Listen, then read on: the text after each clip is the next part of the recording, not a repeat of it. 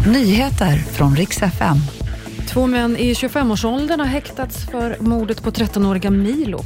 Och så ska det handla om Alexander Skarsgård som nu är nominerad till ännu en Golden Globe. Två män häktades för mordet på 13-åriga Milo idag och männen är i 25-årsåldern. Båda är på sannolika skäl misstänkta för mord. De greps i fredags och båda förnekar brott. Milo hittades ihjälskjuten i en skog i Haninge i september. När männen greps hade de också en skarpladdad pistol med sig. Den misstänks dock inte ha någon koppling till mordet. Minst fyra personer skadades i en bygghiss som rasade 20 meter idag. Och det här hände på en byggarbetsplats i Sundbyberg. Enligt räddningstjänsten så är de allvarligt skadade. Orsaken till olyckan är fortfarande okänd, men polisen utreder det här som arbetsmiljöbrott. Det ska handla om Alexander Skarsgård som kan vinna sin andra Golden Globe. Hollywoodsvensken har ju redan en för bästa biroll. Och Den vann han för fem år sedan för miniserien Big Little Lies.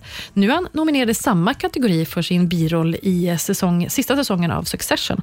En till svensk, Ludvig Göransson, är också nominerad för en Golden Globe och det handlar om musiken som han gjorde till storfilmen Oppenheimer. Och Det var också nyheterna. Jag heter Maria Granström.